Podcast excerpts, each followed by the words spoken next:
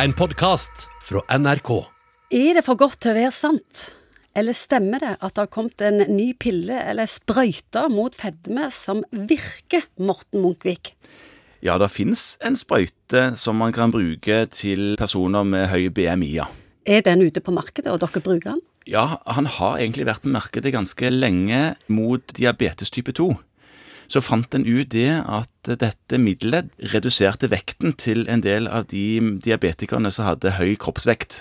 Og så har en begynt å forske på om dette kan være noe som kan være hensiktsmessig å ta inn i behandling av de som har sykelig overvekt. Hvorfor har vi ikke hørt mer om denne sprøyta? Det er ganske ferskt at han har fått den indikasjonen, altså at han blir skrevet ut av leger til pasienter som ikke har diabetes, men kun, holdt jeg på å si, kun har en høy kroppsvekt. Og en undersøkelse der viste at 1300 deltakere gikk ned 15 kilo i snitt på et drøyt år. Det er jo fantastisk. Mm. Det er en veldig virksom medisin, dette her. Det er en sånn metthetshormon, noe som heter GLP1. Så de føler seg mette. Ja, det blir som å ha spist eh, julemåltid.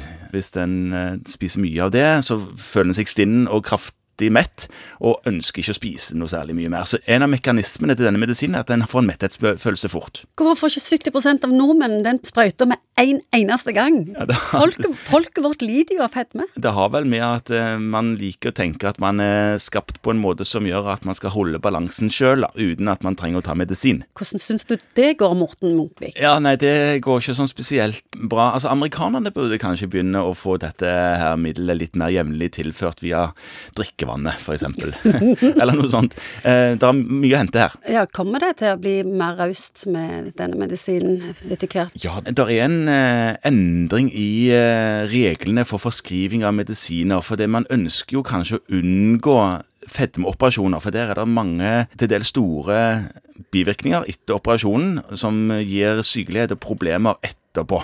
Så denne medisinen, hvis den har effekt, så er det å foretrekke. Etter at en har prøvd alle de andre tingene med kosthold og mosjon og sånn som det, som en alltid gjør først, så er det et kjempegodt tilskudd. Så nå er det lov å skrive ut denne sprøyten her, som vi nå snakker om. Nå er det mulig å gi dette her til de som har en kroppsvekt over en visst eh, BMI-nivå, etter han har prøvd et par andre ting i forkant. Men du har alltid sagt at det er ingen medisin som ikke har bivirkninger.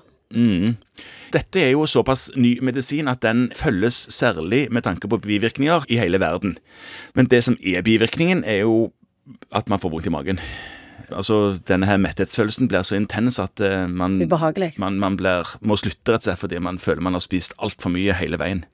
Men det er jo en herlig quick fix, og vil jo spare samfunnet enormt mye, mange milliarder, hvis vi får folk til å sette denne sprøyta i stedet.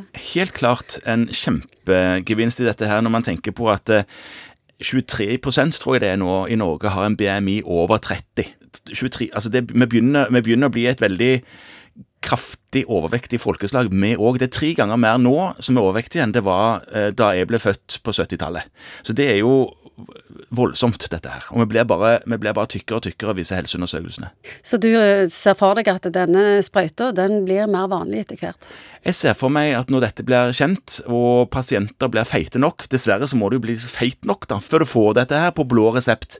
Men alle som er overvektige, kan for så vidt eh, diskutere dette med legen sin, hvor tid en kan få anledning til å prøve ut dette her.